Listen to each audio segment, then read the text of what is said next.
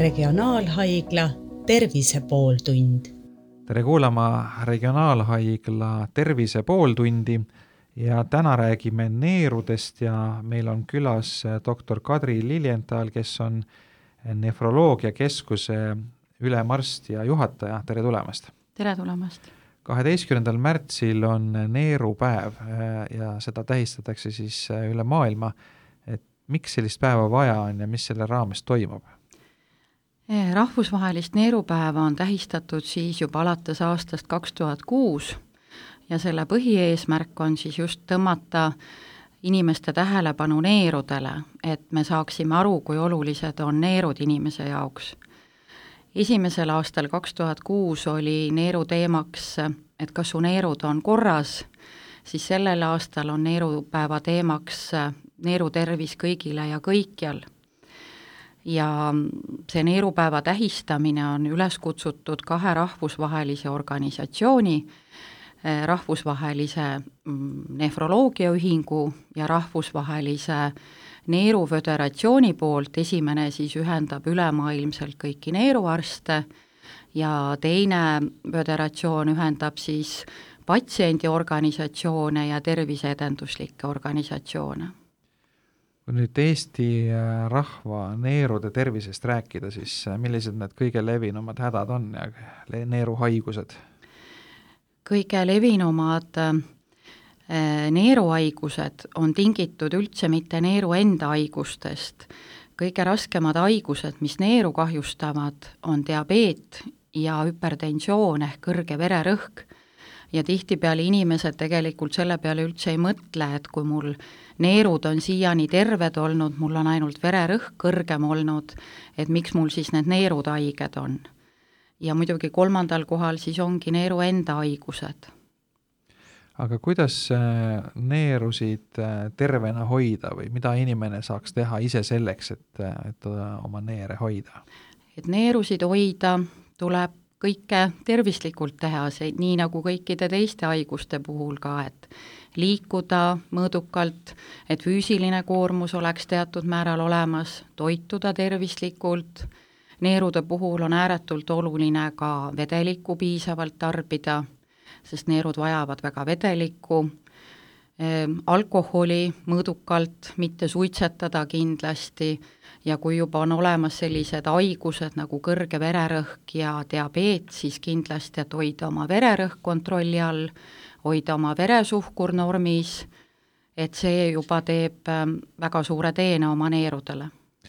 Te rääkisite äh, vajadusest palju vedelikku tarvitada, et selle kohta ka, kui nüüd äh, doktor Google'it äh, kasutada, siis selle kohta on väga erinevaid arvamusi ja on ka räägitud ja, ja leiab ka väga erinevaid äh,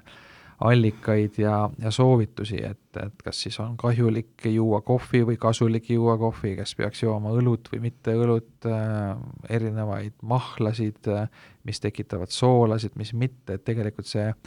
on ausalt öeldes üsna segadust tekitav, kui, kui ise minna sinna interneti avarustesse ja hakata otsima, et mida, mida teie soovitate, kui palju juua, mida juua, mis on hea jook ja mis ei ole nii hea jook? et vedeliku tarbimisel loetakse selliseks äh, ütleme, päevaseks vedeliku koguseks täiskasvanud inimese puhul on kakskümmend kaheksa kuni kolmkümmend viis milliliitrit kilogrammi kohta. see tähendab, et tegelikult keskeltläbi üks koma viis kuni kaks koma viis liitrit vedelikku peaks iga inimene ära jooma. ja siia vedeliku hulka ei lähe mitte ainult vesi, vaid siia lähebki kohvi, tee, supid, kõik ütleme, kõik sellised vedelikud ja muidugi tervislikust aspektist on oluline, et see ei oleks tõesti ühekülgne, et kui on väga, inimene väga armastab kohvi, joob mitu tassi kohvi päevas, siis seda võib teha, aga kindlasti peaks sinna kõrvale ikkagi päeva jooksul lihtsalt paar klaasi ka vett jooma. et ka neerupäeva üleskutse on, et jooge üks klaas vett lisaks, et et ähm, ja no alkohol on nagu ikka alkohol, et siin peame lähtuma nendest tervislikest mõõtudest, mis on meile antud, et, et seda kindlasti ei tohiks ületada, aga vedeliku neerud, neerud kroonilise neeruhaiguse algstaadiumis väga vedelikku vajavad ja pigem selline niinimetatud kuivalolek on neeru tervisele kahtlemata ohtlikum kui vedeliku tarbimine. Aga kui on muidugi kaasuvad haigused, südamepuudulikkus või on juba väga tõsine neerupuudulikkus, siis tuleb jälle vedeliku koormust vähendada, et see kõik käib ikkagi koostöös arstiga no kohvi joomise kohta on, räägitakse ka palju seda, et, et kohvi tegelikult viib vedelikku organismist välja, et tegelikult kui kohvi palju juua, siis, siis janu, janu suureneb tegelikult. kohvi viib organismist välja ka selliseid vajalikke elektrolüüte, ütleme, et et siin just ongi vaja selline mõõdutunne, et et pigem ikkagi tõesti kohvi kõrvale ikkagi ka juua, juua tavalist vett. Mis on teie seisukoht mineraalvee osas, et siin on ka erinevaid arvamusi, et mõni ütleb, et kui on soolasem vesi nagu nagu need isegi raviveed, nagu on Borjomi näiteks, et see jällegi suures koguses pole hea ja mõni ütleb, et tegelikult just eriti, kui näiteks äh, higistada või on palav ilm või sporti teha, siis on just äh, suurema soolasisaldusega vesi hea, mis te sellest et arvate? meie oma kroonilise neeruhaigetele, meie neid Borjomi ja värskavett väga ei soovita, sest seal ongi, seal on naatriumi ehk soolasisaldus kõrge, samuti on seal ka teisi elektrolüüte ja kui on juba krooniline neeruhaigus, siis see lööb juba selle tasakaalu paigast ära. aga samas ütleme, kui on terve inimene, mingisugust kroonilise neerukahjustuse ilmingut ei ole, siis võib seda niinimetatud värskavett ja boržommi juua, aga samamoodi, et siin peab ikkagi mõõdukus säilima, et ei tohi ainult, et meie vedeliku tarbimine ei tohi koosneda ainult nendest mineraalainete joomisest samuti teatud mahlad, äh, ma kusagilt jällegi leidsin sellise allika, kes üt-, mis ütles, et näiteks õunamahla suures koguses juua tekitab äh, sooli mm. -hmm. et millised mahlad on sellised, ütleme siis ohtlikumad ja noh, samas jõhvikamahla näiteks väga soovitatakse, et äh, just, just ka neeruhaiguste puhul ja üldse igasuguste haiguste puhul, et jõhvikamahl jällegi on kasulik, et mis, mis te sellest arvate? et üldse jah, sellised kõik need mahedamad mahlad on, ütleme, tervisele kasulikumad, jõhvikal on ka sellised kerged põletikuvastased toimed, et et, et jõhvikamahl on kindlasti parem kui õunamahl, aga ütleme, et selline soovitatav kogus ka on, et no mitte üle klaasi päevas mahla juua, et ütleme, et siin on ka oluline, et kui me ikkagi seda naturaalset mahla joome, et et mitte rohkem kui klaas päevas. Aga nüüd toitumise koha pealt soolane ja vürtsikas toit, jällegi on erinevaid arvamusi, et, et kas mõjub hästi või ei mõju hästi, et, et kuidas, kuidas selles osas lugu on? soolaga on ikkagi kasulik mitte üle pingutada, et pigem selliste looduslike ürtidega rohkem maitsestada ja soola ja, ja üldse toitumisel ikkagi lähtuda nendest naturaalsetest toitainetest, et juba kõikides nendes valmis poolfabrikaatides on reeglina soola natuke liiga palju ja sool hoiab organismis kinni liigset vedelikku ja tõstab ka vererõhku, et et see on nagu kogu organismile suurem koormus. kui nüüd neerude hoidmisest veel rääkida, siis äh, kevad äh, on käes ja ma mäletan lapsepõlves seda, et äh, just vanaema ja teised vanad inimesed väga kartsid seda palja maa peal istumist või külma peal istumist ja ütlesid, et see on neerudele väga halb, et, et kuidas see tänapäeva meditsiini seisukoht on, et kui suur oht on siis tegelikult neerudele külmetamisega liiga teha? külmetamisega tekivad just eelkõige põletikulised neeruhaigused ehk siis kuseteede haigused, noortel naistel sageli põiepõletikud, mis siis võivad edasi minna neeruvaagna põletikeks ja kui see külmetamine on sage, tänapäeva noored tegelikult, kes ähm, käivad väga lühikese sokiga ja ka tihtipeale nabapluusiga, et, et tegelikult külmetamise oht on suur ja just eelkõige põiepõletikud ja neeruvaagna põletikud, mis kipuvad korduma. et, et vanarahval on oma tarkusetera sees aga raputamine ja põrutamine, selle kohta on ka igasuguseid legende, et, et, et kui halb see on, et kui sõita äh, jalgrattaga näiteks väga künklikul maastikul või noh, ma ei tea, kes ratsutab näiteks või teeb muid selliseid tegevusi, kus on selline vibratsioon on suur, et, et äh, kui, kui suur äh, probleem see võib olla? no kui meil on normaalne inimene, kes, kellel on normaalne lihaskond, rasv, rasvkond, siis see kahjulik ei ole, probleemiks on ta väga kõhnadel inimestel, kellel neerud võivad väga liikuvad olla, et siis võib probleem tekkida, aga tavapäraselt see ratsutamine ja rattaga sõitmine kahjulik küll ei ole kuidagi nüüd erinevad ravimid ka võivad mõjuda neerudele halvasti, et äh, mida siin silmas pidada, et milliseid ravimeid tarvitades peaks ettevaatlikum olema just neerude seisukohast? kõigepealt peaks ettevaatlik olema meil laialdaselt käsimüügis olevate ravimitega nagu ibuprofeen, mida tegelikult kasutatakse väga laialdaselt valuvaigistina, palavikku alandava rohuna, et äh, just ibuprofeen ja kõik need diklofenakid, mis kuuluvad ühte mittepõletikuliste vahendite gruppi, need, kõik need ravimid kipuvad ähm, suures doosis ja pikaajalisel kasutamisel olema neerudele kahjulikud. et võib kujuneda neerukahjustus sellest, et, et siin on ka oluline, et kui inimene vajab valuvaigistit, et siis kindlasti arstiga nõu pidada, et, et seda soovitatavat doosi ei ületaks kuidas inimene ise saab aru, et äh, neerudega on midagi valesti, et, et millised on need äh, märgid, mille korral peaks kindlasti neeru, äh, neeruarsti poole või siis kõigepealt perearsti poole pöörduma? et neeruhaigused on tegelikult ka, on põletikulised neeruhaigused, mille puhul tekib palavik, valu, need ongi just need põiepõletikud ja neeruaagnapõletikud, millega tegelikult inimesed leiavad tee arsti juurde üsna ruttu aga teise grupi moodustavadki siis ütleme, neerupäsmakeste enda haigused ja pluss siis see krooniline neerukahjustus, mis kujuneb diabeedi ja hüpertensiooni foonil, siin tegelikult äh, inimesel sümptomeid ei pruugi kuni lõppstaadiumi neerupuudulikkuseni olla. Ainukene sümptom võib olla väsimus, aga kes meist ikka ei oleks vahel väsinud. Ja noh, ütleme, et juba neerupuudulikkuse lõppstaadiumis võivad tekkida tursed, Äh, äärmine kehvveresus ehk aneemia, inimene on väga kahvatu, väga jõuetu, aga ega need sümptomid on väga-väga tagasihoidlikud, et siin on tegelikult analüüsid ainukesed, mis tege-, viivad meid sinna neeruhaiguse diagnoosini aga kas selline tavaline lihtne uriinianalüüs äh, on, on selles mõttes piisav, et kui inimene nagu näiteks soovib enda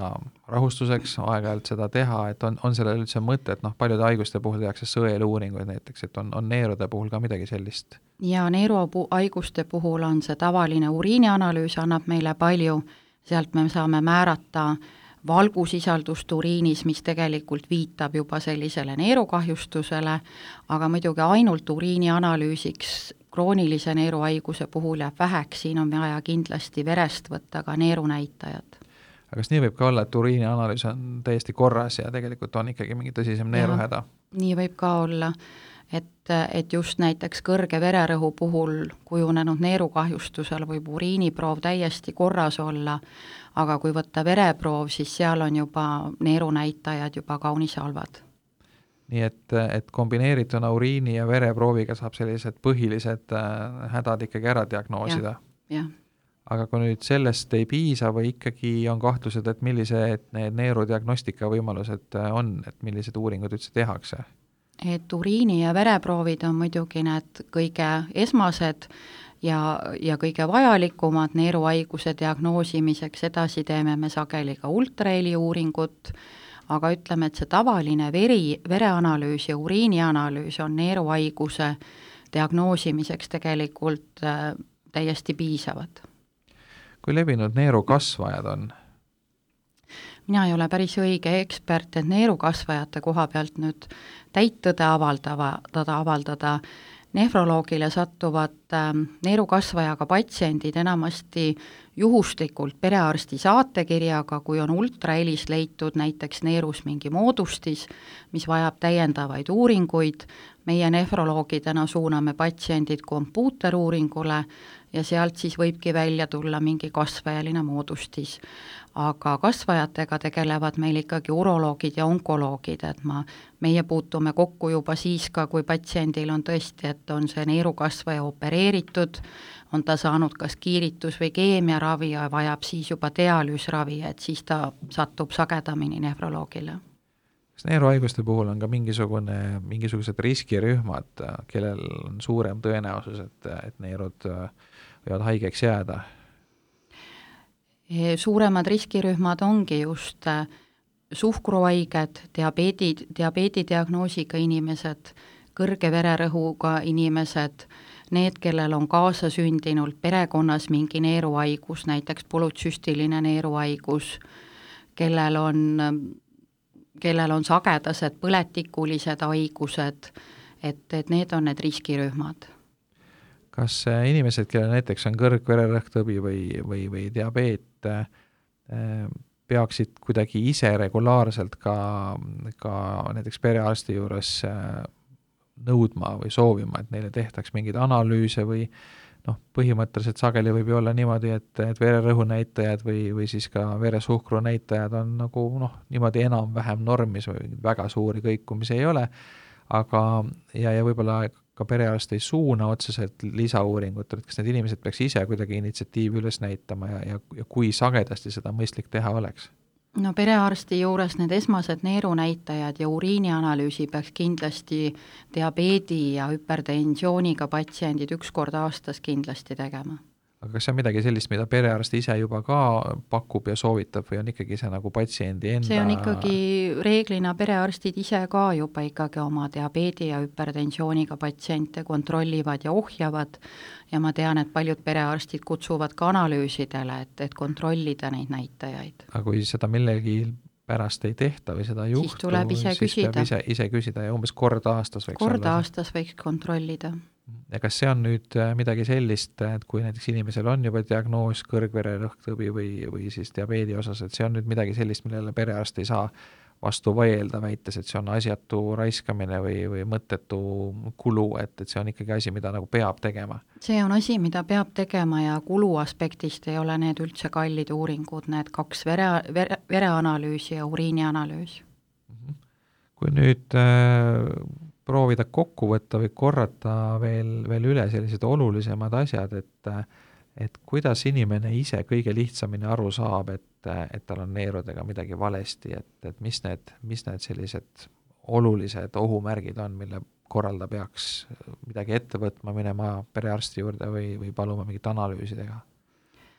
eelkõige siis, kui vererõhk ei ole korras, kui veresuhkur kipub kõikuma,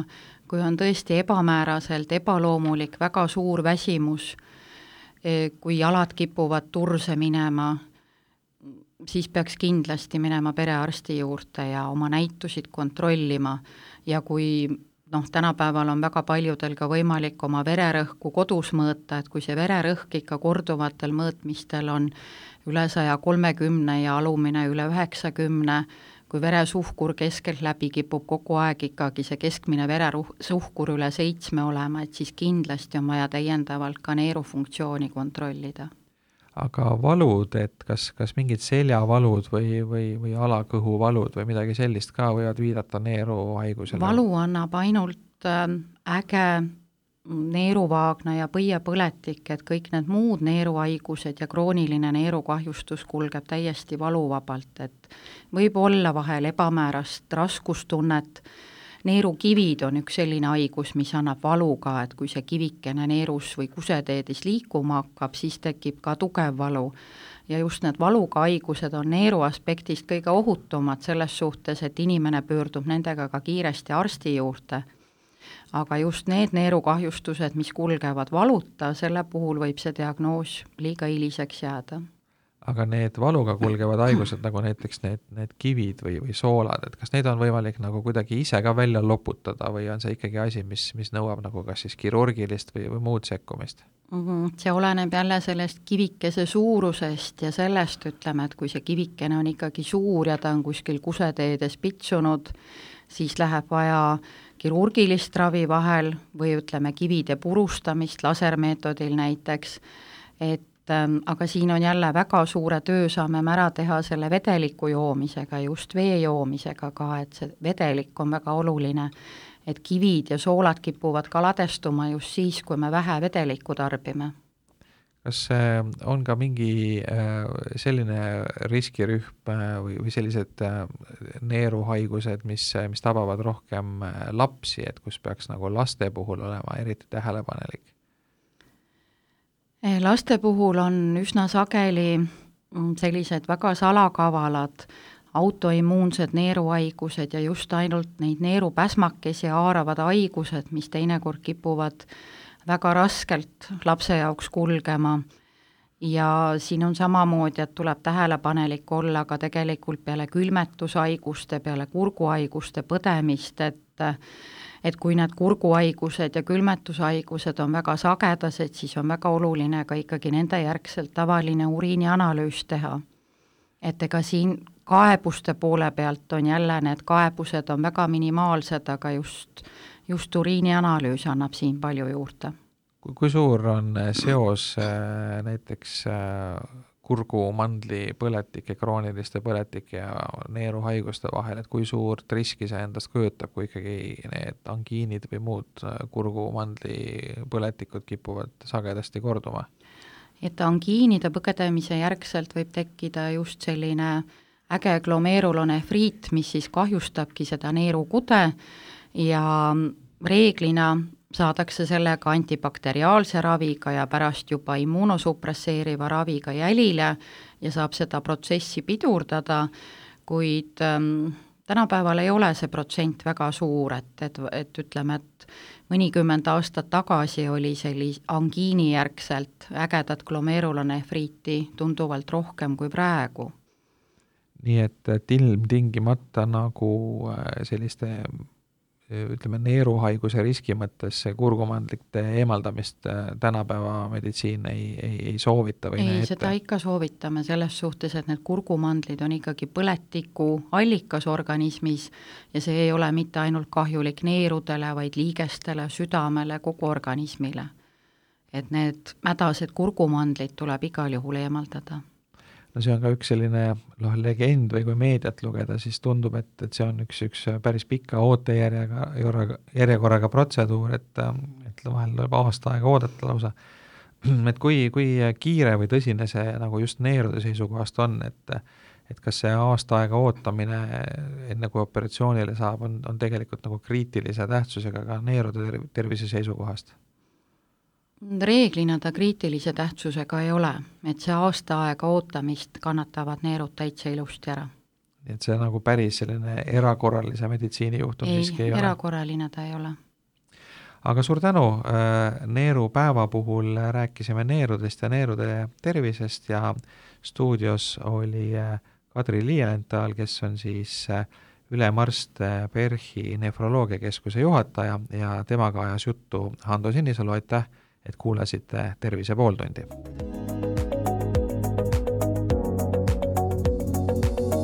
regionaalhaigla Tervise pooltund